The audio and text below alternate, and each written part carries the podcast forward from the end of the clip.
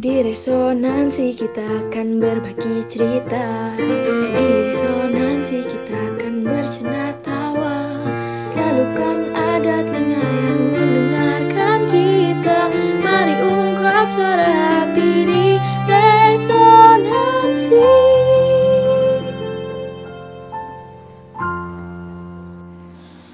Balik lagi di resonansi cerita satukan kita. Eh, balik lagi sama saya Patrick dan rekan saya. Oh, oke, saya Eka. Ya, kita sampai di penghujung season 3 nih Pak Eka. Mhm. Keren banget ya. Kita mulai di sana udah lama dan kita nggak nyangka juga ya. Saya pribadi sih eh, nggak gitu yakin ya bisa sampai titik ini, tapi kita sampai juga akhirnya di finale season 3 di mana kita akan bahas soal Oktober ber- berkarakter masih dengan judul spesifik Love, Respect, Respect and Progress ya cinta, hormat dan eh, kemajuan gitu. Nah kira-kira kita Hmm. kita eh, lebih jelasnya lebih konkret itu ngomongin apa sih hari ini ngobrolin apa kita soal love, respect and progress ini pak?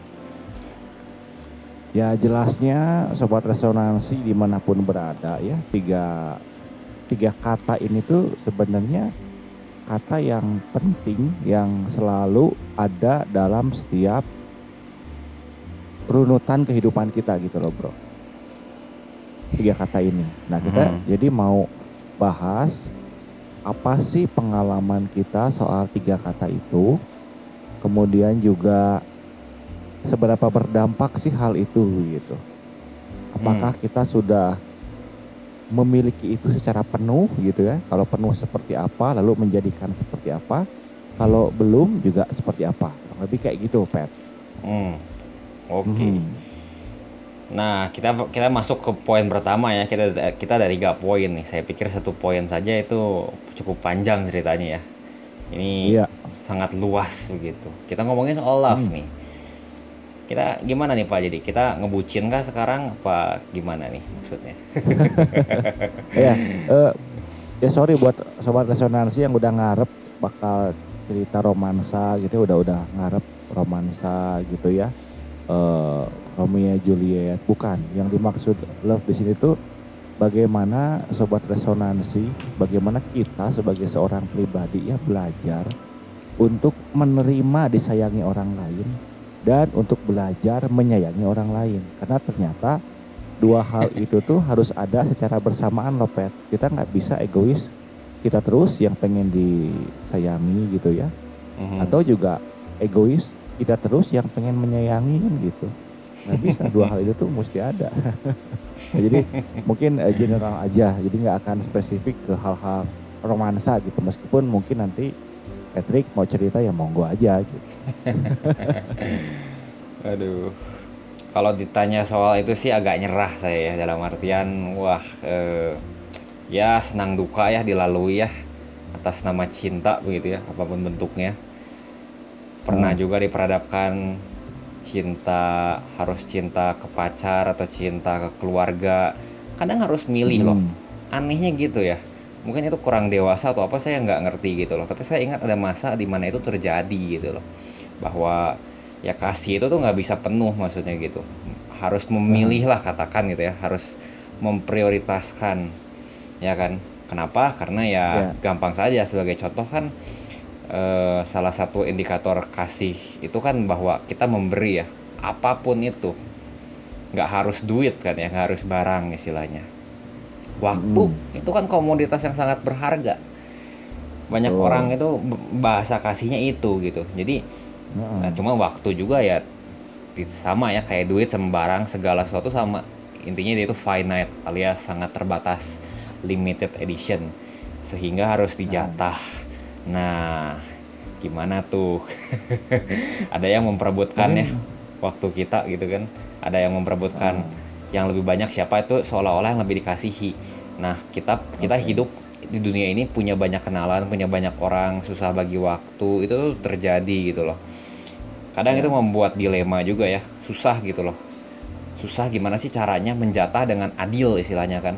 apakah 50-50 tapi bisa aja si orang tua bilang oh itu nggak adil 50-50 karena istilahnya mah ya sumbangsih dan sebagainya dari kita tuh udah lebih besar ya kan jadi adil hmm. secara kuantitatif secara angka itu bisa jadi secara subjektif ya nggak adil-adil amat bagi orang lain lah lantas kita gimana membaginya nah itu kan Aha. nah puji Tuhan kalau sudah putus ya udah tidak ada lagi uh, dilema seperti itu betul nggak nggak ada pilihan ya sudah masih bisa dengan keluarga habiskan dengan keluarga begitu tapi hmm. ketika nanti gitu ya kembali lagi seperti itu ya itu hanya tantangan lagi gitu. Jadi memang sih cerita soal kalau cerita soal cinta itu selalu menantang lah di setiap situasi. Nah.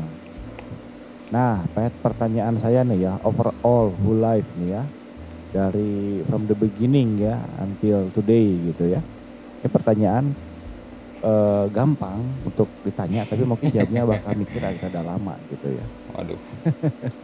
Nah karena ini pertanyaan ini tuh eh, pertanyaan yang kita nggak terlalu yakin buat menjawabnya, ya. Hmm. Nah, nah dari kecil sampai gede, Patrick sendiri ya eh, cukup yakin nggak kalau Patrick itu disayangi, nah itu. Atau merasa nggak memperoleh eh, kasih sayang yang penuh ya. Hmm, itu aja. Itu aja udah. Oke jawabannya adalah iya. Dan e, tidak tergantung dari anda bertanyanya. Ya tapi kan berarti kalau bapak bilang general itu berarti kan dari siapa aja ya? Apakah saya merasa disayangi oleh siapa pun gitu kan? Eh, of course jawabannya adalah iya. Uh, a big yes gitu ya tapi kalau secara hmm. spesifik lagi mungkin di, dikerucutkan, saya akan bilang yes and no, tergantung dari siapa ini orang yang kita maksud. Ya karena hmm. gimana pun juga kan dari sekian banyak orang yang kita kenal pasti ada yang menyayangi kita sehingga kita merasa disayangi tadi. Tapi ada juga hmm. yang tidak gitu, bahkan mungkin ke arah sebaliknya ya, sehingga sehingga kita merasa dibenci hmm. bahkan. Itu kan selalu ada saja. Cuman ya kita akan fokus ke yang mengasihi saja sih seperti yang sudah hmm. saya sering ceritakan mungkin dari episode sekian musim kesekian ya saya dibesarkan di keluarga yang harmonis puji Tuhan uh, hmm. jadi sering dimandikan juga dengan uh, ini ya bukti-bukti nyata gitu ya tidak ada kekerasan dalam rumah tangga itu saja hmm. sudah bersyukur karena zaman sekarang ini oh, zaman makin ngaco ya saya lihat ya banyak anak-anak itu semakin uh, rusak itu bukan salah sendiri lah ya tapi salah hmm. orang tuanya gitu bagaimana hmm. mereka mendidiknya bagaimana mereka tuh ya. tidak mengajarkan yang bagus nggak mengasihi mereka ya iya ya. saya pikir sulit ya bagi kita untuk bisa mengasihi dengan benar kalau kita sebelum itu tidak merasa dikasihi dulu gitu kan makanya ajaran agama seperti itu kan mm -mm. karena kita udah merasa dikasihi dulu kita harus membagikannya ke orang lain nah sama di hidup ya, juga gitu mm -mm. Mm -hmm jadi saya pikir ya meskipun again tapi ya meskipun saya udah lumayan gitu dapat moda model gitu ya bagaimana mengasihi tapi sayangnya ya itu tantangan ya. Kalau ditanya lagi nih pertanyaan berikutnya. Karena saya udah merasa dikasihi apakah kemudian saya akan dengan mudah beradaptasi dengan mengasihi gitu kan? Enggak jawaban saya tidak mudah itu e, selalu jadi tantangan selalu naik turun juga. Hmm. jatuh bangun istilahnya. Ya kan ya cuman in spite of all that ya saya bersyukur karena ketika saya jatuh ya saya pikir saya selalu ya sejauh ini at least menemukan cara untuk bangun lagi gitu ya kan hmm. mungkin saya diputusin karena saya ada jatuhnya dalam hal mengasihi yang I think it's fair hmm. itu normal gitu loh in the heat of the moment saya ya seperti manusia lainnya juga pasti pernah gagal termasuk dalam hal mengasihi nggak cuma dalam pekerjaan ya gagal tuh ya nggak cuma dalam hal sekolah yang hal seperti itu tapi dalam hal mengasihi pun kita bisa gagal karena ya kita itu tidak sempurna sesimpel itu. Jadi kita mhm. balik lagi mau belajar untuk bisa menerima ketidaksempurnaan itu tapi ya tiap kali kita jatuh gimana kita bangun lagi untuk mengasihi lagi dengan cara yang fresh dan tulus gitu pak. Mhm, ya.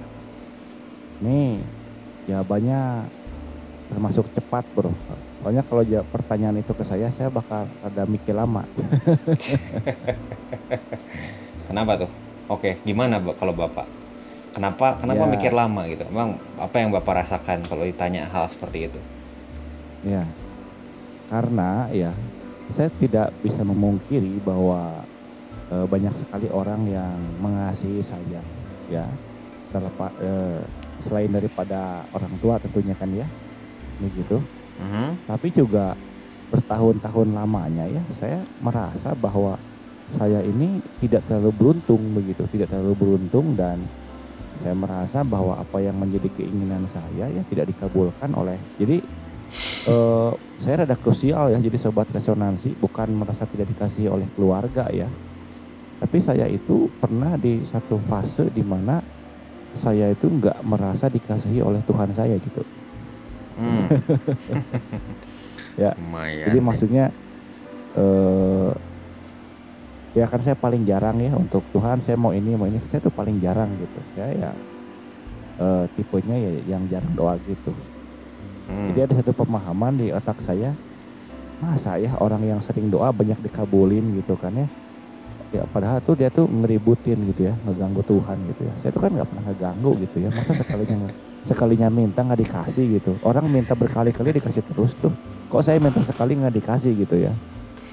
Jadi itu salah pahaman saya tentang konsep konsep mengasihi dan konsep doa mungkin ya. Padahal sebenarnya yang namanya mengasihi ya ya mungkin bukan dengan memberi apa yang kita mau satu. Udah gitu yang kedua, masa iya sih kita ngomong ngobrol sama orang tua kita. Tuhan kan orang tua kita, ya nggak bro? Iya. Cuma pada saat lu mau sesuatu doang, ya orang mungkin banyak banyak mintanya ya bagus juga gitu. Meskipun cumi ya cuma minta gitu, Cumi. tapi dia ada komunikasi gitu, lebih baik lah, lebih baik daripada saya gitu. ya itu bro. Ya sampai satu fase di mana saya menyadari bahwa oh iya ya, saya itu dikasihi, saya itu disayangi. Gitu. Jadi itu eh, naik turun sampai sekarang betul-betul bisa memahami ke arah sana gitu. Kalau dulu dulu mah enggak gitu bro. Ya saya kira wajar sih anak muda pasti pernah ngerasa kayak gitu. kita eh, menarik karena itu kita eh, kita bisa tarik ya bahwa ya salah satu aspek penting dari mengasihi itu adanya komunikasi ya Iya. meskipun komunikasi itu cumi gitu kan ya tapi mending daripada jika nggak ada komunikasi sama sekali istilahnya ya tidak ada Betul. hubungan di sana tapi kalau ada komunikasi seenggaknya meskipun mungkin tidak menyenangkan ya namanya cumi ya yang diminta-minta terus kan tidak mungkin mengenakan tetapi selama ada open line of communication tersebut ada peluang kan ya bahwa ya kerasa tidak enak itu akan teradres gitu akan ada Ya. penyelesaiannya tapi kalau enggak ya gimana caranya akan teredam Betul. tidak akan ya it's gonna be left unsaid gitu kan ya solusi pun tidak akan tercapai Betul. Awal mulanya kan eh, komunikasi yang cuma transaksional mungkin ya kita sama orang tua kita sebatas pengen dikasih uang jajan, pengen dibeliin sesuatu, Ya. demikian juga sama Tuhan kita ya kan. Ya. Tapi lama-lama muncul kerinduan dan muncul keinginan untuk memberi tanpa harap kembali begitu. Karena ternyata mereka pun begitu sama kita kan. Itulah eh, apa namanya ya yang namanya kepedihan yang namanya kesakitan kekurangan kecukupannya carut marut di situ ya dalam kehidupan kita. Pasti semua sobat resonansi di luar sana pernah mengalami tapi ada satu kesadaran lah ya yang membuat kita tuh eh, ingin merespon. Nah, namun tadi Pet ya apa yang Patrick bilang itu benar juga bahwa kita tuh nggak akan mungkin bisa menyayangi loh tanpa sebelumnya ada orang yang menyayangi kita. Jadi nggak bisa manusia itu ujuk-ujuk nggak bisa. Pasti ada yang Hmm. nentuin dulu gitu. Hmm. Hmm. jadi buat sobat resonansi mungkin yang kekurangan contoh begitu ya. Eh, Iya karena kadang-kadang kita tuh tidak bisa berbuat baik karena kekurangan contoh baik kan ya. Oh, setuju. Nggak ada referensi Karena- jadinya. ya nggak ada karena terlalu banyak melihat hidup kita yang nggak enak kan kayak begitu ya ya salah satunya cara yang paling ampuh gitu ya meskipun kalau ngomong sekarang tuh gampang bagi yang mengalami tentu saja nggak gampang gitu tapi cara paling ampuh ya lihatlah kebaikan Tuhan kita gitu yang ya apa pun kondisi kita salah ataupun benar gitu dia kan tetap kasih nafas Hmm. ya kan? Hmm. dia tetap kasih waktu begitu meskipun mungkin waktunya berbeda eh, kita lebih lebih apa ya merasa bahwa lebih terbatas. Ke orang lain waktunya sehat bisa ke mana-mana kita cuma sehat doang misalkan. Tapi kan ya itulah bukti tuntunan nyata gitu ya bukti bukti bukti nyata kalau sang pencipta itu mengasihi kita walau mungkin gitu ya. Kita mengharapkan kasih sayangnya bukan dari sang pencipta. Kita mengharapkannya dari keluarga mungkin atau kita Ya. mengharapkannya dari orang yang udah lama kita perhatiin begitu kadang-kadang kan kita tuh gitu pet ada buta gitu ya kita tuh berharap disayangi sama si A gitu Hmm. sementara itu tuh ngarep doang gitu nggak akan sementara rasa syukur kita terhadap ya Tuhan kita gitu kurang nah itu tuh jarang dibahas ya anak-anak muda. Hmm. Karena mereka tuh fokusnya pada impian sama keinginan gitu kan. Tadi benar banget itu beresonansi sama saya bahwa eh, ya kita mungkin terlalu fokus ya bagaimana cara mendapatkan cintanya si A gitu. Nah ini ada, ada Iya. si B nih yang ud- udah jelas-jelas tuh menghujani kita dengan cinta ya yang sangat tulus gitu. Kita nggak perhatikan sama sekali gitu. Itu kan iya sedih sekali ya iya dan alhasil biasanya kalau kita masih ngomongin manusia ya di luar kasih Tuhan ya di luar kasih ibu mungkin ya itu perkecualian dikasih kasih lain itu itu itu saya pikir istilahnya mah tidak permanen istilahnya mah Hmm. conditional gimana pun juga dalam artian itu kalau kita nggak jaga nggak rawat baik-baik itu bisa hilang tetap ya jadi Hmm. si B tadi itu bisa aja pergi juga sehingga kita tidak dapat apa-apa lagi hanya karena kita Hmm. tidak memperhatikan gitu loh. Tidak cukup Ya. memperhatikan. Hmm. betul. Langsung Nah, mungkin, aja ya gimana? Kita mau lanya, langsung nyambungin nih ke masalah respect kan ya. Ah Nah, se- sejauh runtutan pengalaman nih Pet nih, kira-kira apa sih yang bisa ngebuat seorang Patrick itu eh, apa ya respect terhadap kehidupan ini bahwa oh kehidupan ini tuh mesti mesti begini gitu ya kan? Kan itu tuh kita harus merasa disayangi dulu kan? Kita harus merasa kita berharga berarti bener nggak? Baru kita bisa respect sama kehidupan ini.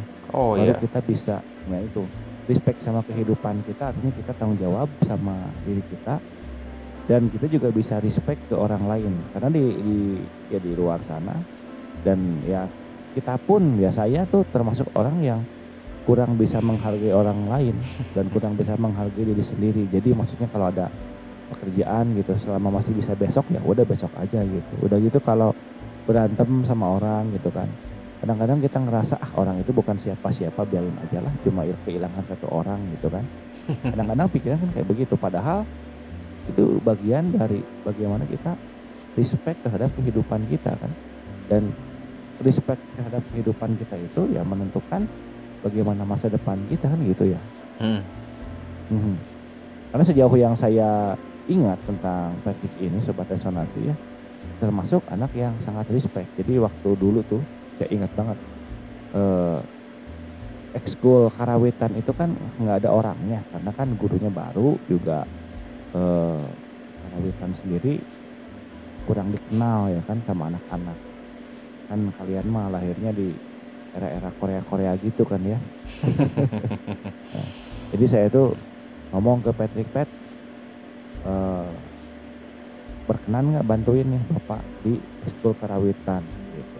jadi kamu bisa sambil belajar musik tapi juga bantuin untuk eh, supaya ada pesertanya kan gitu dan eh, membantu saya lah gitu di ekskul tersebut. Dan kamu bilang oh iya pak saya bantu. Tapi saya mau cerita dulu kalau saya ini sibuk begini begini begini begini begini begini gitu. Jadi kalau ada orang yang lebih ini Patrick bilang ya lebih baik diserahkan ke orang tersebut kan gitu ya. Alhasil saya- ternyata di ekskul itu penuh ya bro ya? Hmm, betul. dan Patrick juga ngomong pak saya lihat kayaknya bapak udah nggak membutuhkan bantuan saya lagi. Jadi saya mundur ya pak ya. Nah, jadi yang saya dapat kesannya ya kamu tuh bisa sangat respect gitu.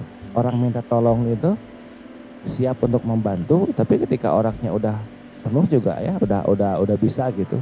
Nggak cuma ninggalin aja caw aja gitu nggak ngomong nggak apa ngomong juga gitu ada komunikasi juga gitu padahal waktu itu masih bocil ya masih bocah ya Masih Tuh. leh. tuh respect ya Masih bocil sih sampai sekarang juga eh, biar awet muda gitu ya. Biar biar kepentingannya juga masih anak-anak ya. eh, itu tidak akan bisa kembali lagi ya masa childhood. Tapi sepertinya memang akan cepat berlalu sih. Ngomongin respect, mungkin jawaban saya tidak sesurgawi yang akan dibayangkan ya. Jawaban saya sih mungkin ya duniawi saja gitu loh. Bahwa ya katakanlah itu adalah sebuah bentuk investasi ya.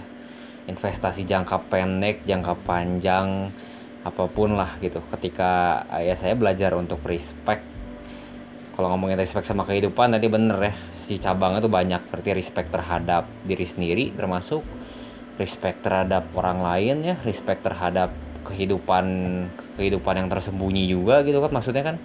Ya karena kehidupan ini luas gitu loh. Jadi ketika kita bilang di respect eh, apa respect terhadap kehidupan ya itu banyak cabangnya. Tapi saya mau ngomongin yang paling penting kali ya respect sama orang lain itu paling konkret soalnya. Ketika kita Hmm. nggak respect sama orang lain ya udah jelas kita nggak nggak punya respect sama eh, nggak punya respect sama diri sendiri juga gitu loh. Karena gimana pun juga ya orang lain akan kehilangan respect sama kita ketika kita nggak respect sama mereka. Itu hukum alam ya.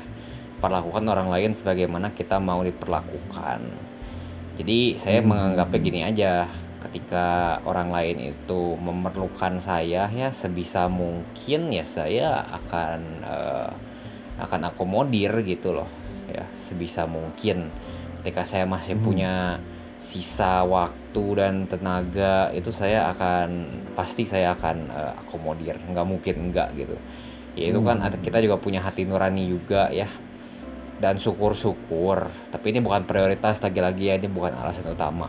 Saya pikir tidak boleh dijadikan alasan utama juga bahwa ya ketika kita bantu tuh karena kita mengharapkan imbalan. Itu tuh ya itu bisa jadi harapan bisa jadi bonus ya bisa jadi harapan kecil dalam hati kita itu yang saya bilang investasi jangka panjang. Tetapi itu Hmm. nggak bisa jadi prioritas atau satu-satunya motivasi kita karena percayalah cepat atau lambat dengan motivasi tersebut kita akan dikecewakan. Pasti itu nggak mungkin nggak. Nah, jadi sesekali kita akan oke akan puas akan oh ya sesuai ekspektasi.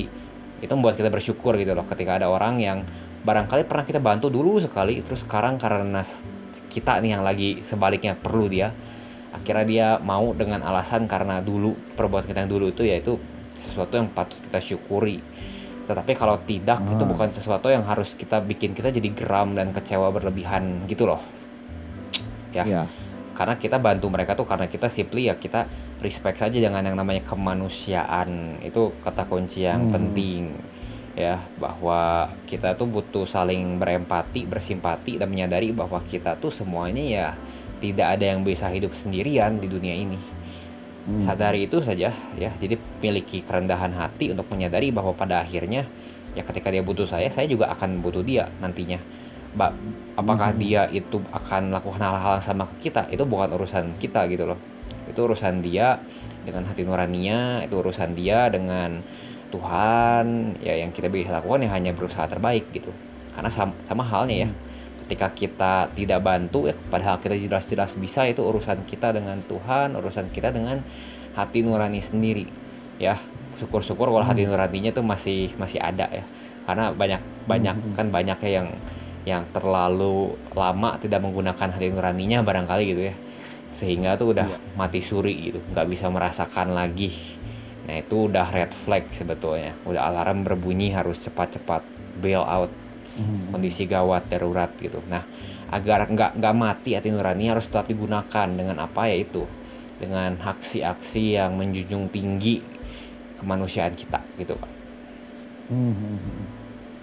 Jadi respect itu terjadi hanya jika ketika kita gitu ya merasa bahwa ya diri kita itu cukup berharga gitu ya untuk menjaga eh, menjaga diri kita dan juga melindungi orang lain gitu mungkin ya bro ya. Right. Tuh, Hmm. tuh sekali.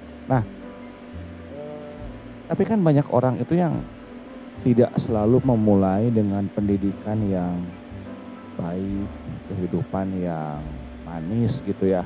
Hmm. Ada orang-orang tertentu itu yang mungkin memulai dengan kehidupan yang kecil dan pahit gitu ya. Eh, without any ya nggak ada guru gitu ya. Hmm. Akhirnya cuma jadi seorang Ronin aja gitu ya. Iya. Without master gitu kan. Mhm. Hmm, mengembara gitu. Nah, yang mana terkadang ya sulit untuk bukan sulit ya, eh ya tidak punya kesempatan yang sama mungkin ya bro ya.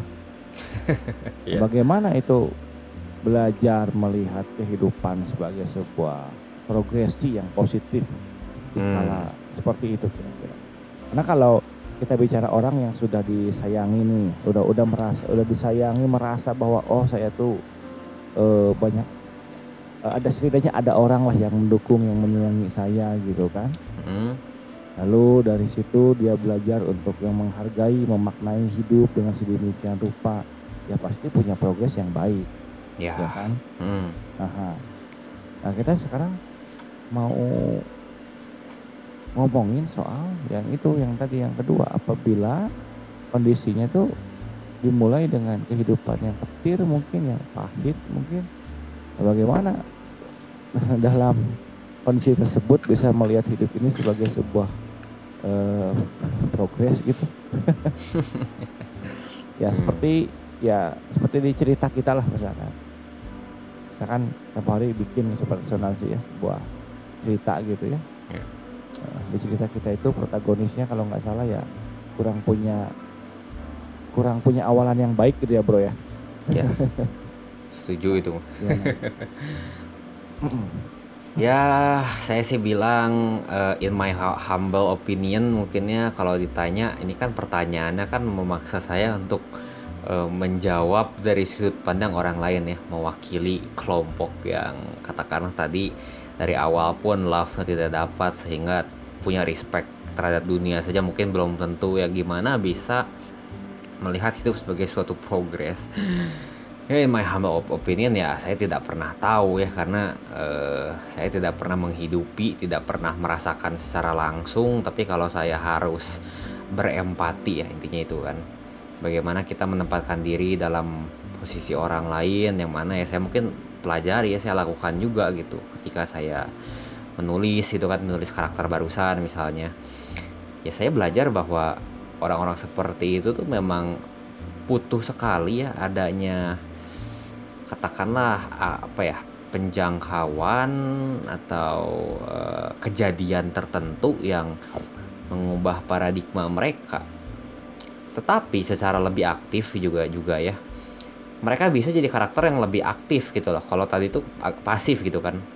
Ada satu jadi pilihan A itu adalah menunggu suatu kejadian atau suatu orang lain untuk datang menghampiri mereka dan ya katakanlah menarik mereka dari kemalangan mereka tadi sehingga ya mereka bisa mulai melihat hidupnya dengan lebih positif menganggap hidupnya adalah sebuah progres yang terus berkelanjutan ya tetapi itu kan ya mungkin terjadi mungkin enggak ya. Hubungannya dengan eh, hal-hal supernatural lah katakan. Tetapi kalau mereka menyadari begitu ya bahwa ya hidup mereka itu masih stagnan masih belum cukup ya memang harus dimulai dari diri mereka sendiri sih gitu. Tapi eh, cukup berat bagi saya untuk berempati juga karena ya ini hubungannya ntar panjangnya jawabannya adalah ke problem of evil gitu yang mana saya tidak akan bahas sekarang gitu kan. Kadang ya too much for me to bear juga sih ya kan. Cukup menyedihkan gitu loh. Kita pikir karakter kita betul dia tidak punya love. Kalau ada love juga itu semu ya itu palsu katakan seperti itu. Sehingga respect terhadap dunia tuh dia juga nggak punya. Jadi progres yang dia yang dia incar juga itu semu juga pak akhirnya ya itu hal-hal yang progres yang dia pikir adalah progres awalnya. Tapi ketika dia capai ternyata dia nggak ngerasa apa-apa. Dia malah merasa lebih buruk dari awalnya. Nah itu salah kaprah. Yang namanya manusia itu kan selalu mencari-cari ya. Dan apa yang mereka cari itu masalahnya selalu butuh referensi dari orang-orang terdekat. Ketika orang-orang terdekat tidak ada satupun yang me, istilahnya memberikan model yang baik, ya mereka akan mengikuti yang buruk. Sehingga mereka tidak tahu apa lagi apa yang baik. Nah itu problem problem of evil datangnya dari sana. Memang ada kalangan-kalangan tertentu yang saya pikir tidak seprivilege saya bisa mungkin e, dididik dengan cara yang ya ada ada agama di sini, ada kasih di sana. Jadi mereka tuh mikir ya yang bagus tuh mencopet itu sangat mungkin loh. Kalau mereka ketika lahir sampai gede gitu ya tidak pernah diintroduce dengan hal yang baik gitu saya tidak tahu tuh apakah hati nurani mereka sama seperti hati nurani orang biasanya nah itu saya jadi nggak yakin. Ya. Jadi mereka tuh masih menunggu gitu loh masih menunggu. Sehingga penting sekali buat orang-orang seperti kita mungkin yang sudah menyadari bahwa oh kita tuh sudah pernah dikasihi loh gitu. Ya ketika kita melihat mereka yang belum dikasih ya kita belajar mengasihi mereka gitu. Meskipun mungkin kita belum suka produk awalnya. Tapi kita coba hmm. kenali dulu selidiki ya mungkin masa lalu mereka seperti tadi gitu loh. Apakah adil gitu kan? Kalau kita musuhin juga padahal yang salah ya hmm. ya bukan mereka secara langsung gitu jadi kita tuh berperan juga loh ya mungkin terdengar sangat mulia gitu ya ya hmm. mungkin nggak nggak nggak applicable langsung tapi kita harus tahu aja gitu loh supaya kita tuh terus belajar gitu untuk bisa ke arah sana karena hmm. ya progres itu juga kita harus bagikan ya ketika kita progres sendiri orang lain enggak ya itu tuh ada suatu ketimpangan ada suatu kesenjangan namanya hmm. kesenjangan hmm. kesenjangan sosial kesenjangan di pendidikan di akademik gitu kan ya ada yang pinter ada yang enggak jadi ada yang apa si gurunya susah lah nyari materinya apa yang cocok gimana tengah-tengah apa gimana ya jadi urusannya panjang gitu loh ya memang hmm. sama kayak sekolah tadi ya kesenjangan tuh pasti selalu ada tapi kita bisa coba meminimalisir gitu supaya semua hmm. orang merasakan progres yang serupa gitu pak hmm. Jadi saya dapat kalau case ini hanya akan tuntas dimulai dari orang-orang yang sudah mengalami yang mana ketika dia mengalami bagaimana disayangi, bagaimana merespek kehidupan, menularkan lagi gitu kan ya. Mm-hmm. Jadi tidak akan dunia tidak akan berubah gitu ya tanpa kita yang sudah apa ya menikmati begitu ya tanpa mensharingkan kembali gitu ya bro ya. Uh, Karena betul. Again sebagaimana mereka yang hidupnya pahit ketir mau belajar untuk sesuatu yang baik sementara kehidupannya aja udah pahit dan petir nggak ada model kan begitu hmm, hmm. itu sih yang saya dapat dari dari apa yang tadi kita omongin gitu loh bro bener banget hmm. ya jadi kita nggak bisa berharap dunia ini berubah gitu karena ternyata di belahan dunia sana tuh ada satu iklim satu kondisi yang berbeda yang bisa kita harapkan adalah tindakan kita gitu betul action kita terhadap sesuatu gitu ya bro ya mm-hmm. dan mungkin hmm. saya harus hmm. tambahkan juga untuk mereka yang merasakan tadi lah gitu ya lalu sesekalinya ada yang menjangkau ada yang mengingatkan baiknya seperti apa gitu kan itu tuh sebetulnya ya mungkin uh, jelmaan Tuhan juga dan hati nurani mereka gitu ya bahwa oh mereka tuh ada yang membenarkan loh seperti karakter kita itu gitu kan sebetulnya ada hmm. gitu loh dijangkau tapi ketika dia memilih untuk tidak mendengarkan ya udah sama aja semakin dia menutup pintu hati terhadap apa yang benar dan gimana ya justru menonjolkan egonya menonjolkan kepahitannya gitu ya menonjolkan kebenciannya hmm. ya itu yang membuat hati nurani itu mati saya pikir hanya hmm. akan bangkit lagi hati nurani itu ketika tadi ya harus ngerasain dulu tuh konsekuensi buruk ya kadang manusia gitu ya suka penasaran kan ya suka hmm. kekeh gitu jadi kekehnya tuh oh dibilangin jangan maksudnya baik sih orangnya teh ya tapi dia kekeh penasaran cobain kan hmm. karena dia berteguh prinsip nih ini yang terbaik buat gua eh iya. cobain yeah. ternyata berakhir buruk ya di situ kan baru hmm. kapok namanya kan setelah kapok saya pikir itu hati nurani itu muncul lagi di sana gitu hmm. Jadi Jadi saya dapat lagi nih sesuatu dari obrolan hari ini ya mhm, bahwa ternyata ya, ada perbedaan antara mengasihi diri dengan mengasihani diri. Emang cuma ditambahkan gitu ya, tapi ternyata bedanya jauh gitu kayak dari timur ke barat. Kalau mengasihi diri kita tuh berbuat sesuatu sebaik-baiknya gitu ya untuk impian kita ya dan juga untuk orang lain. Karena kita mengasihi diri kita nggak ingin dipandang orang ya kan sebagai yang bagaimana gitu ya. Kita mengharapkan pandangan positif sehingga kita melakukan hal yang positif kan begitu maksudnya. Mhm, ya kan? Mhm. tapi kalau mengasihani diri itu menuntut orang lain untuk memenuhi kita gitu tanpa kita merasakan di posisi orang itu seperti apa gitu kan ya ya Nah saya kira semua kita tuh pernah di posisi mengasihani diri gitu ya. Dan ya inilah sebuah misteri kehidupan ya. Kapan, di mana kita nggak tahu. ya, tapi kita tahu persisnya bagaimananya gitu kan ya. Kita berubah dari pribadi yang menuntut, mengasihani, jadi orang yang mengasihi gitu kan ya. Jadi orang yang mau bertindak, mau action begitu. Betul. akhirnya iya. Heeh. karena kalau kita lihat ya itulah esensi kehidupan tuh kayak gitu gitu loh sobat resonansi. Ada fase dalam hidup kita kita nggak puas kita mengharapkan sesuatu tapi kita nggak ngapa-ngapain. Ya itu fase di mana kita nggak no love gitu ya. Nggak ada nggak ada nggak ada nggak ada cinta gitu yang membakar semangat kita sehingga kita tidak bisa respect terhadap sesuatu selalu kritik nyinyir cuek acuh gitu kan ya. Ya. sehingga nggak menunjukkan progresi tapi ketika kita punya gitu ya satu api yang membara dalam hidup kita love itu gitu ya. Nah itu yang bisa membuat kita tuh respect sama kehidupan begitu. Punya gaji misalkan dua puluh ribu misalkan nah dua puluh ribu ini kita pakai lah misalkan untuk nolong teman kita yang kurangan gitu ya atau lihat orang asing di, yang tiba-tiba minta tolong sama kita kita tolongin misalkan begitu Hmm. saya kira keinginan atau tindakan baik itu tuh tidak akan muncul tanpa adanya stimulus yang pertama itu Pak. Hmm. Ya, rasa respect, rasa rasa hormat gitu ya terhadap kehidupan itu nggak nggak akan muncul tanpa yang pertama tadi. Dan Hmm. ketika kita melakukan ya respect itu dalam tindakan yang nyata yang real itu akan secara nggak sadar ya membuat hidup kita tuh semakin progres karena kan yang namanya duit kata Steven kemarin katanya harus bisa nyarinya harus bisa ngeluarinnya gitu kan Hmm. ngebuang uang juga perlu ngebuang uang Hmm.